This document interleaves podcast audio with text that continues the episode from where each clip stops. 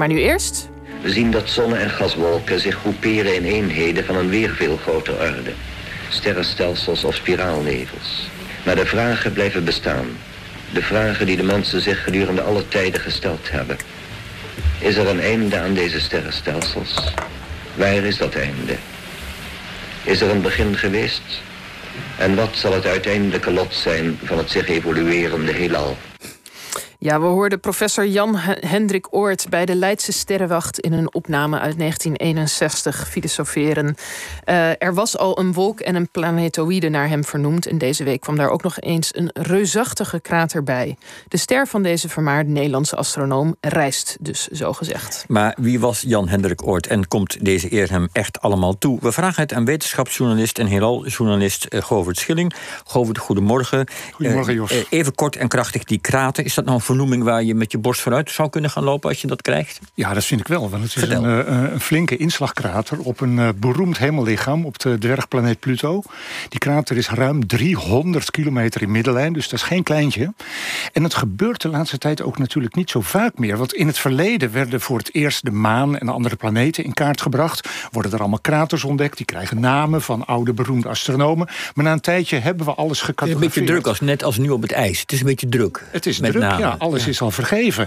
Maar toen kwam Pluto en er kwam een ruimtesonde voorbij in 2015. Voor het eerst oppervlaktedetails op die dwergplaneet. Ja, dan heb je weer wat om te vernoemen. En nu gelukkig eindelijk die uh, beroemde Nederlandse sterrenkundige Oort. Ja, jij hebt hem ook nog een beetje meegemaakt, geloof ik, in je lange carrière. Wat, wat was het voor een man? Zou, was het een type wat verguld zou zijn met deze vernoeming? Wat was hij voor een man? Ja, hij zou daar uh, stilletjes van uh, genoten hebben, zonder dat heel erg uit te dragen. Het was een buitengewoon bescheiden en kalme. Je hoorde het ook in die, in die uh, reportage natuurlijk net. Ik heb hem een paar keer geïnterviewd. Hij was natuurlijk al heel erg oud. Hij is overleden in 1992, bijna 30 jaar geleden. Ik was toen nog heel erg jong. En uh, ik, ja, dat was een hele amabele, bescheiden, kleine, tengere, broze man. Ik zal nooit vergeten, dat is toch echt een mooie anekdote. Ik zat op zijn werkkamer. Hij kwam nog één of twee keer per week vanuit Oegsgeest naar de Leidse Sterrenwacht... om daar op zijn kamer, die nog voor hem gereserveerd was... nog wat werk te doen. En ik vroeg hem iets naar een bepaalde... hij had het over een grafiek of een bepaald iets. Ik zei, ja, kunt u dat laten zien? Ja, zei hij, dat kan ik wel. En hij stond op en liep heel langzaam naar de boekenkast... haalde daar een trapje bij, klom het trapje op... ging op de vierde verdieping langs alle Astrophysical Journals... pakte dat eruit en ruim vijf minuten later... kon hij mij dat grafiekje laten zien. Dat was zo briljant om mee te maken allemaal. Ja, nu, nu zit Frank Westerman ook hier met, om dadelijk gaan we praten over zijn boek De Kosmische Comedie. Frank, ik meen dat deze uh, Hendrik Jan Oort, want, want Jan, Jan Hendrik. Jan, Jan Hendrik, Jan ja. Hendrik ook een, klinkt een beetje als een broze oude man met een trapje, maar ik geloof dat het ook een fervent schaatsliefhebber was. Oh ja, ja, ja, als het maar even vroor, dan, uh, dan had iedereen ijsvrij, ook zijn staffen. En dan was hij zelf uh, vertrokken op zijn Friese doorlopers. Het is een Fries, hè, uit Franeker, van IJzer IJzerga Planetarium. is om de hoek bij hem, daar is hij geboren. 1900, dat is ook zo mooi, dat is een mazzeltje als je 1900 wordt geboren, volgens mij. Dunne benen, uh, kalend. En, en inderdaad Fries, maar ook wel een zekere bescheidenheid. Hè? Ja? En aan de andere kant, ja, ik, dat, dat stukje wat jullie lieten horen, dat gaat toch even verder. En dan zegt hij, in plaats van mythische figuren, per polygoonstem... en dieren met vreemde namen, we hebben het over de dierenriem... zien wij sterrenkundigen een hemel bezaaid met miljoenen sterren. En dan zegt hij, wij zien niet alleen het mooie... Wij willen weten. Ja. ja, ja, dat hebben wij natuurlijk weer uitgelaten in al onze onnozelheid.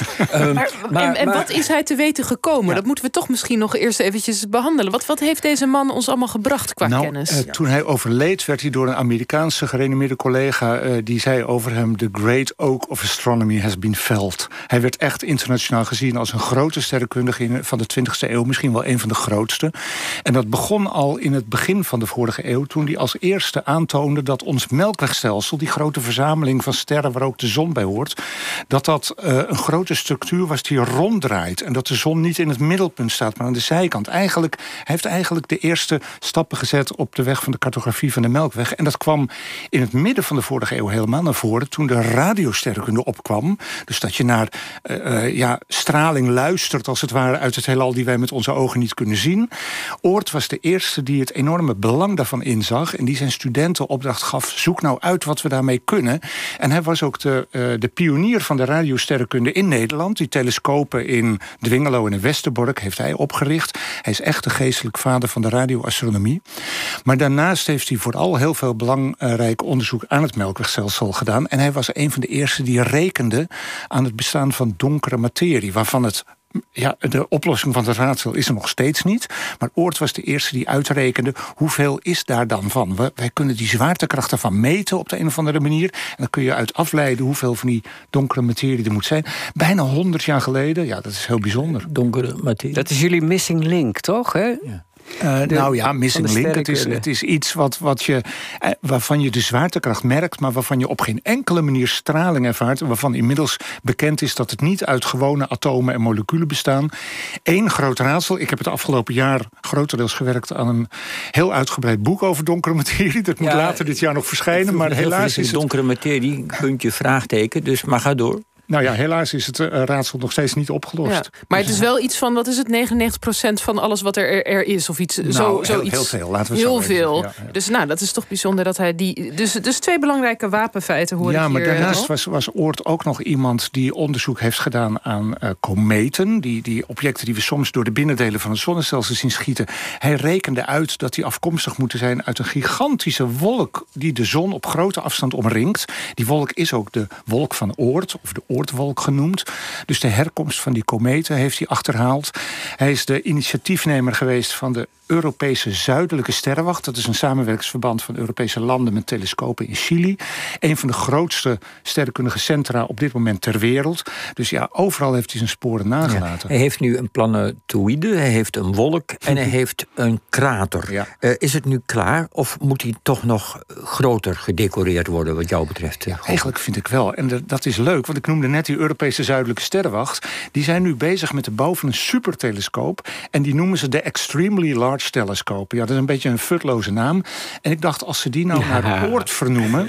en dan staat dat bijvoorbeeld voor Overwhelmingly Large Optical Infrared Revolutionary Telescope. Gewoon heb je al een, briefje, een mailtje doen uitgaan naar de betreffende instantie? Heel lang geleden heb ik dat al regelmatig ik denk dat en ze luisteren niet naar me, nu, Is dit niet het moment om het te herhalen? Ja, ik blijf dat af en toe eens pushen, maar ik weet, ik weet het niet. Het zou fantastisch zijn als er een keer zo'n groot instrument zijn naam krijgt. Misschien een toekomstige ruimtetelescoop... of inderdaad toch die grote telescoop op aarde. Nou, wie weet dat er eh, naar je geluisterd wordt... nu deze oproep zo dringend op de Nationale Radio is gedaan. Dank je wel, Govert Schilling.